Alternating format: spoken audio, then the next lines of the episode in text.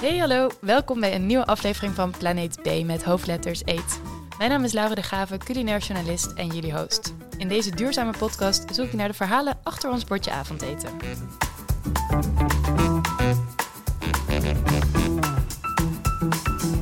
In deze aflevering gaan we in op het subthema seizoensgebonden en kijken we naar soep. Dit ga ik bespreken met groentefundamentalist Norbert Mergen.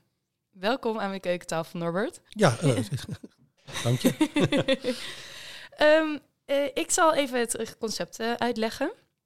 Iedere aflevering onderzoeken we samen eigenlijk een simpel gerecht dat iedereen wel eens eet, plan A. En samen met wetenschappers en experts zoals jij ja, bekijk ik eigenlijk hoe we deze met kleine veranderingen een stukje duurzamer kunnen maken. Voor de mensen die op de achtergrond een heel raar uh, drillboorgeluid horen. Ik woon in centrum Amsterdam en daar zijn ze vaak aan het bouwen. Maar desalniettemin, aan het einde van de aflevering serveer ik dit duurzame gerecht, plan B. ja, voor de mensen thuis, die kunnen het natuurlijk niet zien. ik heb hier voor ons twee een kop heerlijke, dampende soep neergezet. broccoli soep om precies te zijn. Norbert, als jij naar, kijkt naar deze soep, wat is daaraan dan niet duurzaam als het gaat om het thema seizoensgebonden eten? Um, dat is helaas de broccoli, dus het hoofdingrediënt. Dat uh, hoort, is nu niet vers van het land. Dat komt vermoedelijk uit Zuid-Spanje.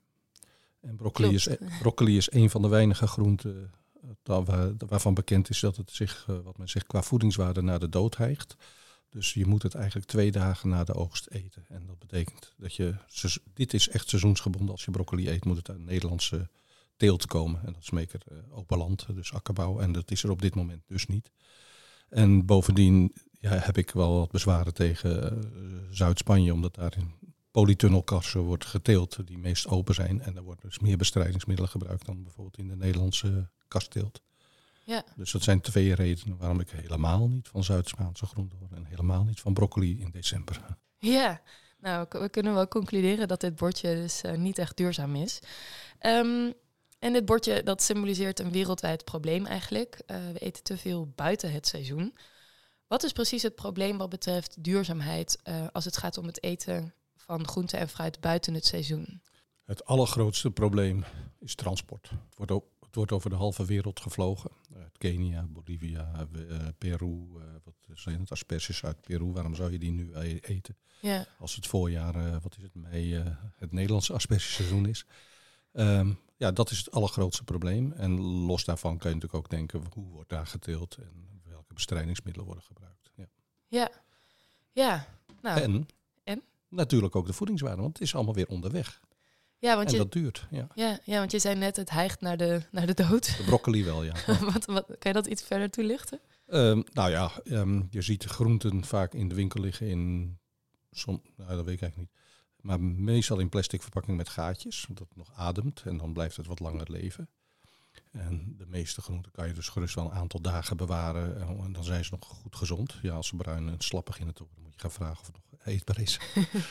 uh, maar bij broccoli is het zo, die kan mooi groen uitzien, maar de voedingswaarde is, is dan al, eigenlijk is hij dan al dood weggestorven. Uh, en andere broccoli die je nog langer bewaart wordt, krijgt dan de gele kopjes en de gele bloemetjes uiteindelijk.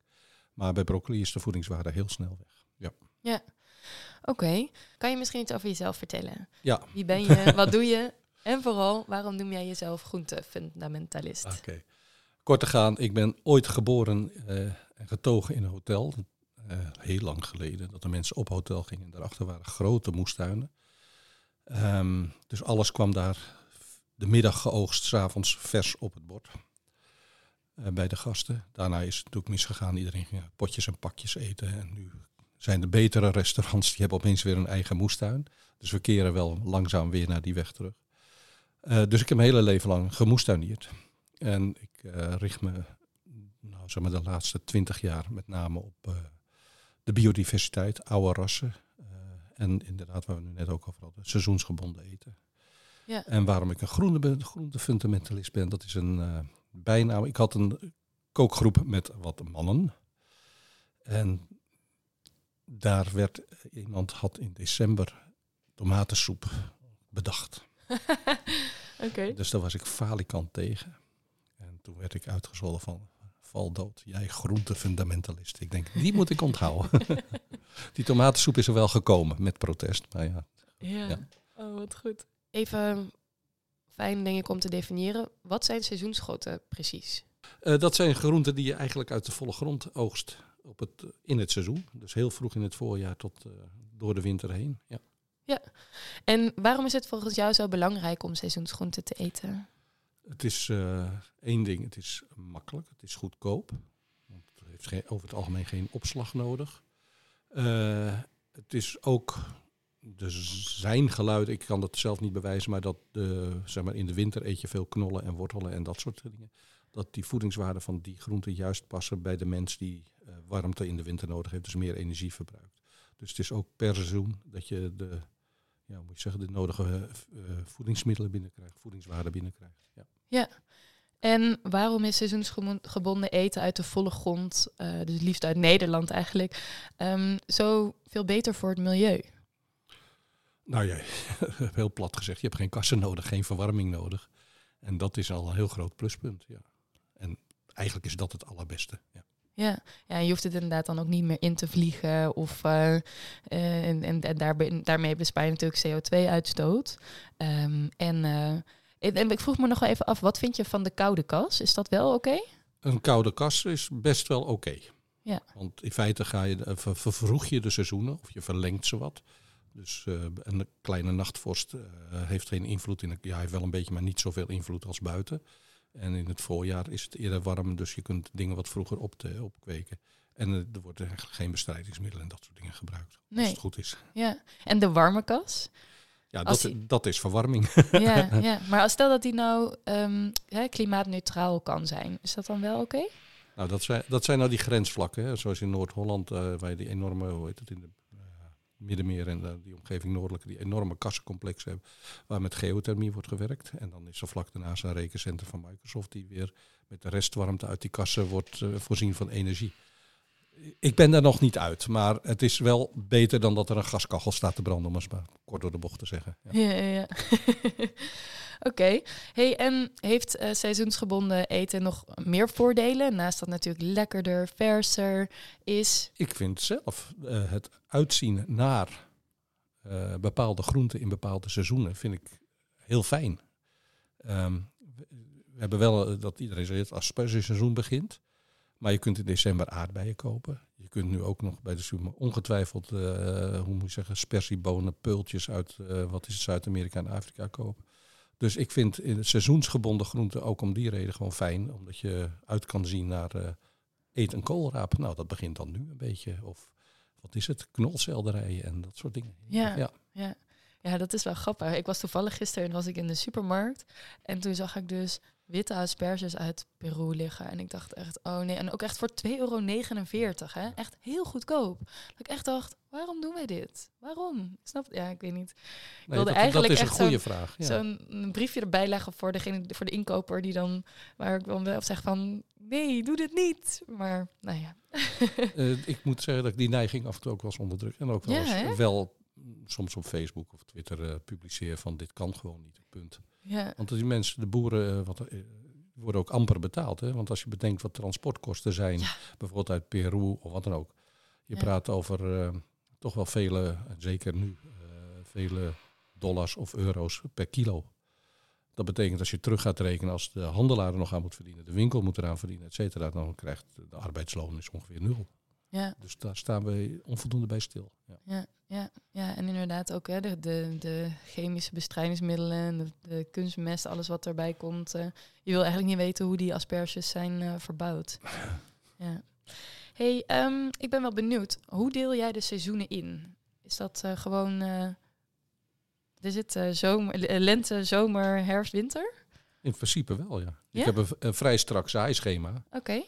Uh, daar doe je wel, ja, je uit ervaring ga je er wel mee spelen afhankelijk van het weer. Bijvoorbeeld als het vroege voorjaar heel nat en regenachtig is, dan wacht ik toch maar even met de peultjes in de grond te leggen, want dan weet ik dat die wegrotten. Dus ik wacht een droge moment af, zodat ze in een beetje klammige grond goed kunnen kiemen. Maar in principe hou ik daar uh, een vrij strak schema op na en, naar het weer kijken. Ja, ja. want, want er zijn sommige mensen die delen de zomer dan bijvoorbeeld in de voorzomer en de nazomer in. Maar dat eh, doe jij niet. Nee, want het hangt vanaf hoe het weer in de voorzomer en de nazomer. en dat weet je niet. Nee. Dus, uh, Ja, en- ja, En ik kan, ik kan me ook wel voorstellen dat er met de klimaatverandering ook wel echt verschuivingen zijn in de seizoenen. Ja, en, maar ja, ja, ja, klopt, je hebt Ja. gelijk. Maar dan eh, de bijkomende effecten zijn dat er ook eh, verschuivingen zijn in, eh, in, in, laten we zo zeggen, insecten. Die dan op een bepaald moment eh, denken, nou, het is nog lekker warm weer. Of ik ga naar een tweede leg toe. Dus je, je, hebt, je hebt soms door een het seizoen, eh, hoe heet dat, eh, klimaatverandering, hele mooie oogsten. En soms denk je, eh hey, er, is nog wat, er zijn nog wat andere uitdagingen. Ja, dat klopt. Ja, ja. Oké. Voor mijn plan B ging ik langs bij Ted Vaalburg in Zuid-Schermer, net boven Amsterdam. Hij verbouwt hier onder andere knolselderij.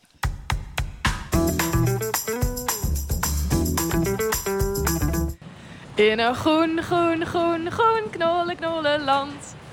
Zo, nou, ik kom hier aan, jongens, in de schuur van Bortet. Oh, daar is hij. Hallo, hallo. Hey Laura, wat goed je weer te zien. Ja, wat goed. hey, ik zie hier echt zoveel knolselderijen. Ongelooflijk.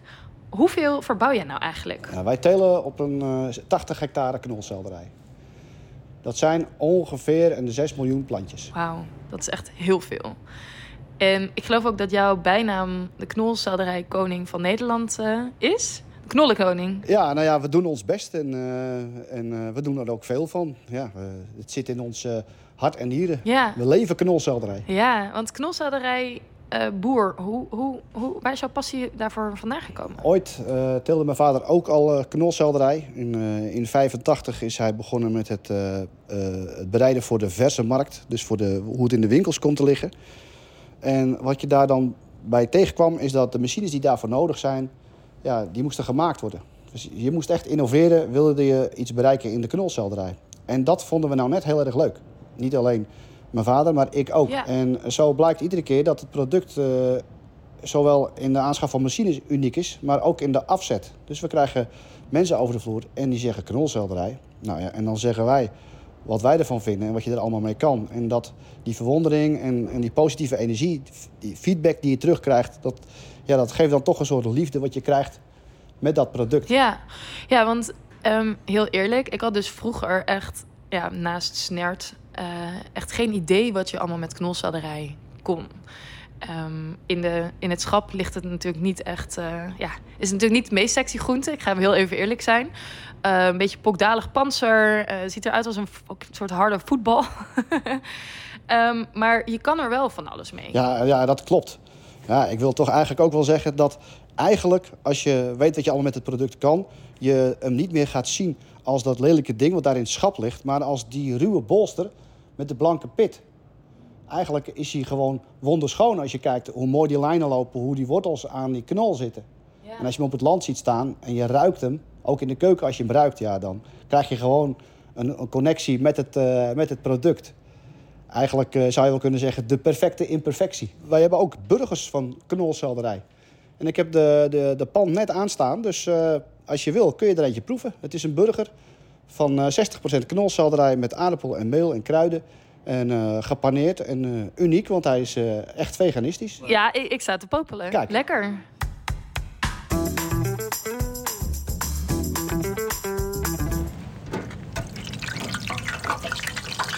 Doen we nu in de koekenpan. Omdat dat eventjes het makkelijkst is voor nu. Maar, eh, of in de frituurpan. Maar hij kan ook in de, in de koekenpan, als je het maar in olie eh, doet. Ik zie dat ze al een beetje bruin worden. Ja. Ziet er goed uit, eh, Ted. Ja, lekker hè? Waar smaakt het nou naar? Ook echt naar knolselderij? Proef je dat? Nou, laten we gewoon... ehm, eh, laat ik het even aan jou... eh, Oké. ja. waar, waar zou het nou naar smaken? Ja. nou, ik zou zeggen, tas toe. Binnenkant kan nog erg warm zijn, dus eh, voorzichtig. Laat er even op. Wauw. Als je dit van knolselderij kan maken. Ongelooflijk. Super knapperig. En ook lekker, die, die knolselderij is juist lekker romig. Ik, ehm, ja, ik vind het echt te gek. Ja? ja. Super.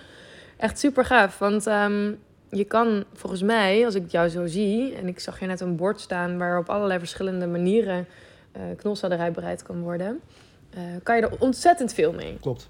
De variaties zijn echt oneindig. Ik denk dat als er één groente is die naar de toekomst toe enorm gaat groeien, dan is dat knolselderij. We weten het nog niet, maar er kan zoveel mee. En ja, dat, eh, dat, dat, dat, maakt, de groot, dat maakt het kansrijk voor de toekomst van de knolselderij. Wat is precies het seizoen van knolselderij? Normaal gesproken dan, uh, wordt die gezaaid in uh, februari in de kas. En dan plant je in mei het, het, het plantje uit buiten in de volle grond. En dan duurt het tot oktober, november, december, net wanneer je wenst te oogsten, dat je, dat je hem kan, uh, kan oogsten. Dan heb je een, een mooie knol van rond een kilo of soms wat groter. Die heeft dus bijna een half jaar op het land die zonnestralen staan omzetten in energie. Nou, welk product staat zo lang op het land? Ja, ik kan er geen bedenken. Nou, dat zijn er niet zo heel veel.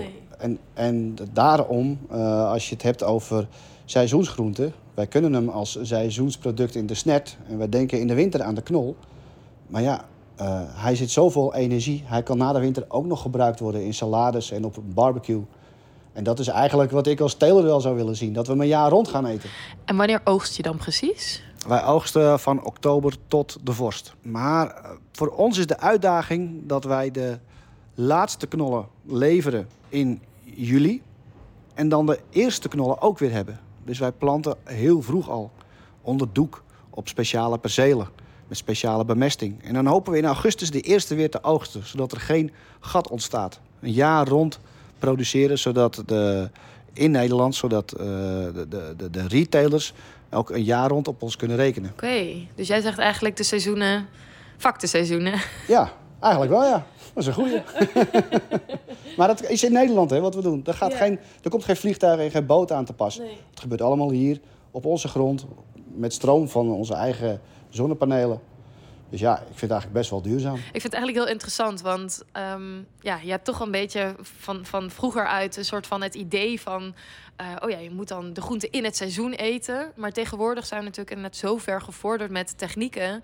Hè, wat je ook zegt, zonnepanelen, uh, elektrische uh, wat zeggen, tractoren die je hier hebt rond.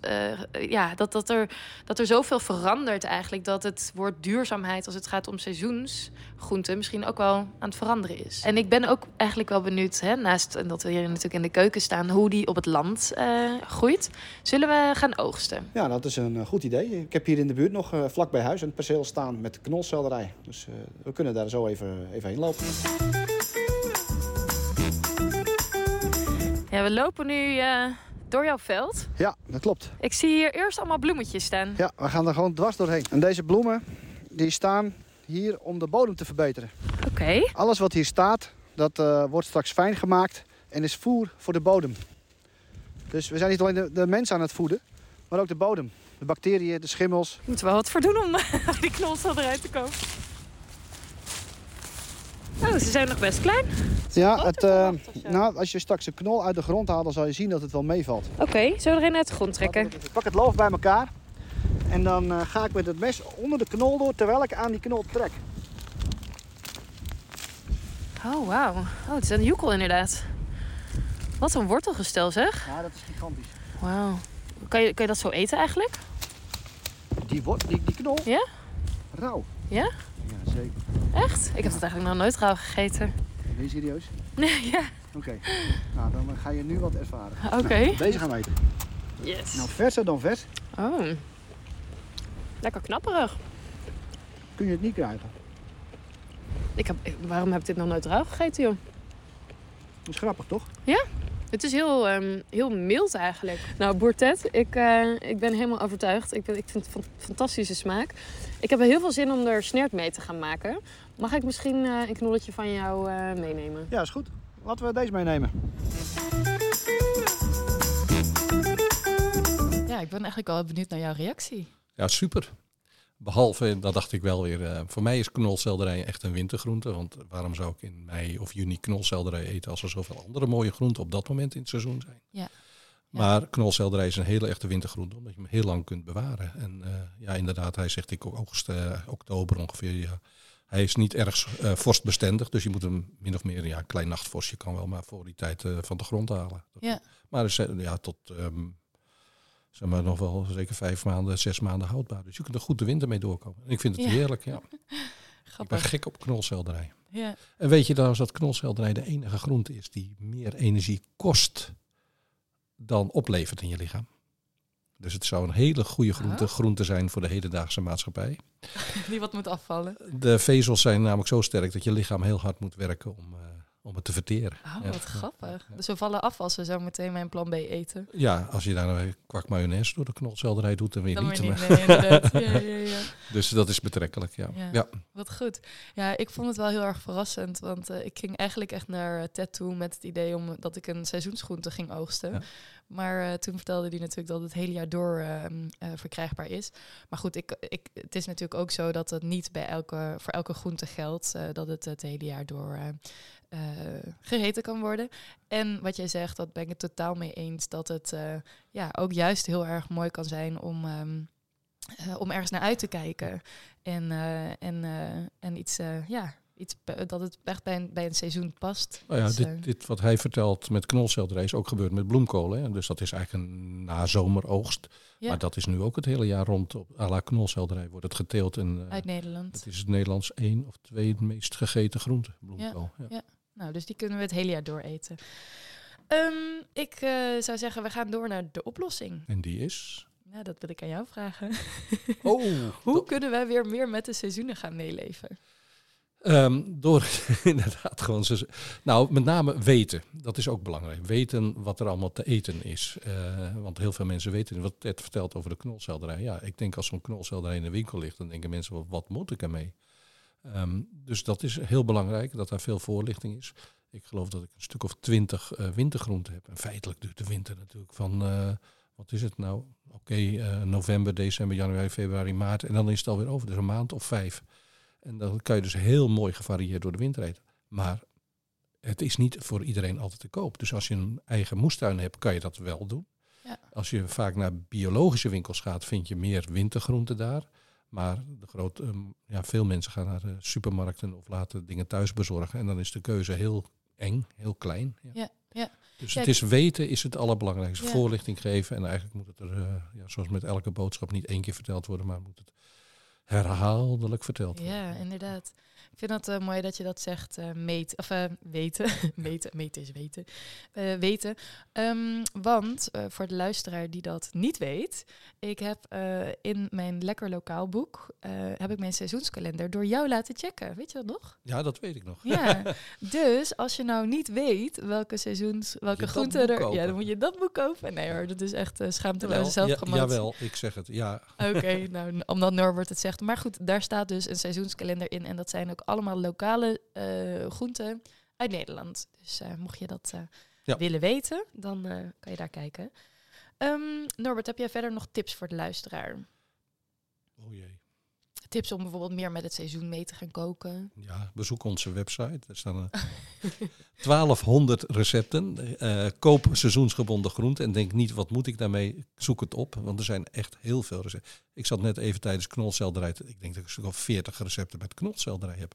Heel erg in seizoen is een lasagne van knolselderij en pompoen. Ontzettend lekker. Dus waarom zou je die dingen niet maken? Ja. Dus het is wel de knop omzetten. Ehm, probeer te kijken als het in de winkel ligt van waar is het geteeld. Dat is sowieso. Als je dan probeert de verleiding voor het gemakkelijke, eh, zeker met kerst, wat is het, die, die haricot vert in een eh, speklaagje en dat dingen, niet doen, want dat komt van verre. Dus eh, probeer gewoon eigen seizoensgebonden te, de- te denken en zoek gewoon in kookboeken. Nou, je noemde je eigen kookboek al, maar ga op internet ook zoeken. Van, er zijn Ja. talloze recepten. Inderdaad, ja. ja, ja. Ehm, Norbert, heb jij een favoriet gerecht per seizoen? Bijvoorbeeld zomergerecht, een lentegerecht, een herfstgerecht, een wintergerecht, waarvan je zegt, nou, dit eet ik altijd elke seizoen. Om heel eerlijk te zijn, kan ik me dat niet bedenken. Nee. Ik ben wel nu, deze tijd, heel erg in de Savoyekool, de groene kool. Want die is ontzettend lekker en heel, heel erg gezond. Maar nee, ik, ik, heb diverse recepten. Ik, ik kijk meer uit naar de groenten in dat seizoen. Dan denk ik, ah, mei, juni, peultjes, eh, eind augustus, de, de echte groene, verse kapucijnes en dat soort dingen. Daar kijk ik naar uit. Ja, en dan kan je natuurlijk talloze gerechten mee maken. Dus Ja. nee, ik heb dat niet iets van nu ga ik dit doen, nu ga ik dat doen. Nee, sorry. Nee, geeft niet. Nee, ja, ik heb eigenlijk altijd met, eh, met pompoen bijvoorbeeld. Dat is voor mij echt... Ja, ik maak altijd standaard pompoen lasagne. Ja. Ehm, nu met dat, eh, knolselderij, hè? Ja. Nu met knolselderij inderdaad. Met knolselderij bladen, dat kan ook nog natuurlijk. Nou, het is, ja, oké, goed. Ja. Dat kan ook. Kan. Oh, er zijn zoveel mogelijkheden, jongens. Nou, wat ik ook wel heel leuk vind met seizoensgebonden eh, en lokaal eten, is dat, ehm, en helemaal, ik kan me voorstellen dat jij, hè, dat je in een moestuin werkt, dat jij zo'n immense biodiversiteit hebt aan, eh, aan producten. Dus dat je als je dichter bij je eten staat, dat je dan dus ook ja, veel rijkere variëteiten tot je beschikking hebt. Dat, dat klopt. En sterker nog, dat wordt steeds erger. Hè. Je gaat eh, de diversiteit waarderen, de smaakverschillen waarderen. Daarom ook weer terugkoppelen naar dat, dat groentefundamentalist word. Eigenlijk zit in groente verschillen zoveel meer smaakbeleving dan in bijvoorbeeld een, vlees, varkensvlees of rundvlees of dat soort dingen. Ja, je kunt wel een beetje nuanceren over het vlees, maar de diversiteit is zo groot, de smaakverschillen zijn groot. Het is ontzettend lekker. En ik ben zelf telkens op zoek weer naar nieuwere groenten. Dat is trouwens ook in de maatschappij gebeurd, hè? want uh, pas sinds, laten we zo zeggen, tachtige jaren van de vorige eeuw, ergens kwam de courgette op, kwam broccoli op, kwam Chinese kool op. Pak soy is pas eigenlijk dik in de negentig jaren van de vorige eeuw begonnen. En dat wordt nu rijkelijk geteeld. Dus diversiteit neemt wel toe in Nederland, maar we zijn toch nog op een hele, ja, er is nog zoveel te ontdekken. Ja. Ik had vanmorgen Jacon voor je willen meenemen. Oh, Maar die want ligt, dat nog- deel jij nu. die ligt thuis. Oh, nou, de volgende moet ik een keer bij jou langskomen. Ja, doe dat maar eens een keer. ja, inderdaad. maar ehm, We staan er op mijn ja. lijstje. ja, dus er gaan ook nieuwe dingen weer komen. Eh Jacon, denk ik dat. eh, Want even voor de luisteraar, kan je uitleggen wat jacon precies ja, is? dat is een Zuid-Amerikaans knolgewas. Eh, wordt in Nederlands wel eens appelwortel genoemd. Dus die smaakt naar appel. Het is ondergronds. Het ziet er een beetje uit als een hele grote dahlia-knol of rugbybal, hoe je het ook wil zeggen. Ehm, en hij is zoet. Er zit ongeveer nul calorieën in. Het is wel heel veel water en heel veel vitamine, mineralen, et cetera. Dus ook weer ideaal voor de mens achter zijn pc. Die dan eh, misschien s'avonds nog een rondje hardloopt en dat zit. Nou, die kan jacon eten. En eh, het andere voordeel van jacon is het smaakt eh, richting appel. Maar als je appel in een warm gerecht doet, dan wordt het moes. En jacon blijft stevig. Ah, wat goed. Dus- en er zijn nu Europese projecten om de teelt daarvan in Nederland, België. En wij draaien mee zeg maar, in het experimenteren van eh, welke rassen zijn goed voor, eh, voor hier te telen. Ja, Vet. Ik kan me voorstellen dat er inderdaad in de toekomst ehm, misschien ook nog wel veel meer gekeken gaat worden naar wat voor groenten die er nu hè, op andere plekken in de wereld geteeld worden, die eigenlijk hier in Nederland qua klimaat perfect het zouden doen. En daar steeds meer, eh, ja, dus dat we inderdaad steeds meer diversiteit nog meer gaan krijgen. dat klopt. Ja. Je ziet die beweging al gaan natuurlijk. Er wordt nu lupine geteeld eh, in Nederland. Quinoa. Quinoa, ja. Ik zou zelfs saf safraan aan het telen in Flevoland. Die hebben we ook staan in Oh, de tuin. echt? Jawel, Wat jawel. vet. Maar de woelmuizen vinden de safraanknollen ook heel lekker. Oh, dus ja. dan krijg je dat weer en dan moet je weer bestrijding van woelmu- woelmuizen doen. Nee, maar klopt. Wij hebben eigen safraan. De oogst is op miniem, dus we kopen gewoon safraan. Sommige dingen moet je dan wel blijven kopen, want Ja. dat kan eigenlijk nog niet. Maar het zal me niet verbazen als over tien jaar eh, al dan niet in kas een professionele safraanteelt is. Ja. Ja, gaaf. Ja. Ehm, Eh, koude kas, hè? Ik zei kas, koude kas. De koude kas, ja. Ondertussen heb ik eh, plan B op tafel gezet. eh, vegetarische snert met de knolselderij van Ted. Ehm, even voor de, voor de duidelijkheid. Ik heb de pan wel in een ecostoof gezet. Want anders dan kost het wel heel veel gas omdat het zo lang op moet staan. Die hebben wij ook al jaren. Ken jij al jaren. Ja? Ik denk vijf, zes jaar geleden toen het net kwam. Oh, wat goed. Zo'n zak, hè? Eigenlijk de hooikist, maar dan... eh, Ja, een soort moderne ja, hooikist. dus dat betekent ook als je rijst kookt, dan is even koken, aan Ja. de kook brengen, misschien vijf minuten laten koken en dan in dat ding zetten. En dan een half uur later heb je perfecte rijst en dat soort dingen. Ja, ja, ik doe het heel vaak overnacht. Dus dan eh, zet Ah. ik hem s'avonds erin en dan volgende ochtend heb ik snert. Nee, Ja. voor de volgende avond. Voor de volgende avond. Ja, ja laten gaan proeven. Goed. Mm. Ja. Heerlijk. Ja, eigenlijk vind ik in de winter snert ook veel lekkerder dan eh broccoli soep. Ja, daar heb je volkomen gelijk. En wij maken ook, wat, eh, maak ik dan een enorme pan. We hebben hele grote pannen. eh, en dan maken we snert en die vriezen we in. Ja, Ja. sorry, dat is iets minder duurzaam, maar dat is onze fastfood in de winter. Als je geen tijd om te koken hebt, dan gaat een ja. bak snert uit te vriezen. Ja, Ja, Het is ook lekker verwarmend, hè? heerlijk. Ja, Norbert, ehm, ontzettend bedankt voor jouw kennis en voor al je goede verhalen. Ehm, lieve luisteraar, ik hoop dat we jou wat handvatten hebben gegeven om meer seizoensgebonden te eten. En wil je het recept nou, ga dan even naar mijn Instagram, uh, want daar vind je hem. En ik zal de komende seizoenen telkens ook even een, uh, een nieuw soeprecept uh, online zetten, zodat je eigenlijk altijd inspiratie hebt.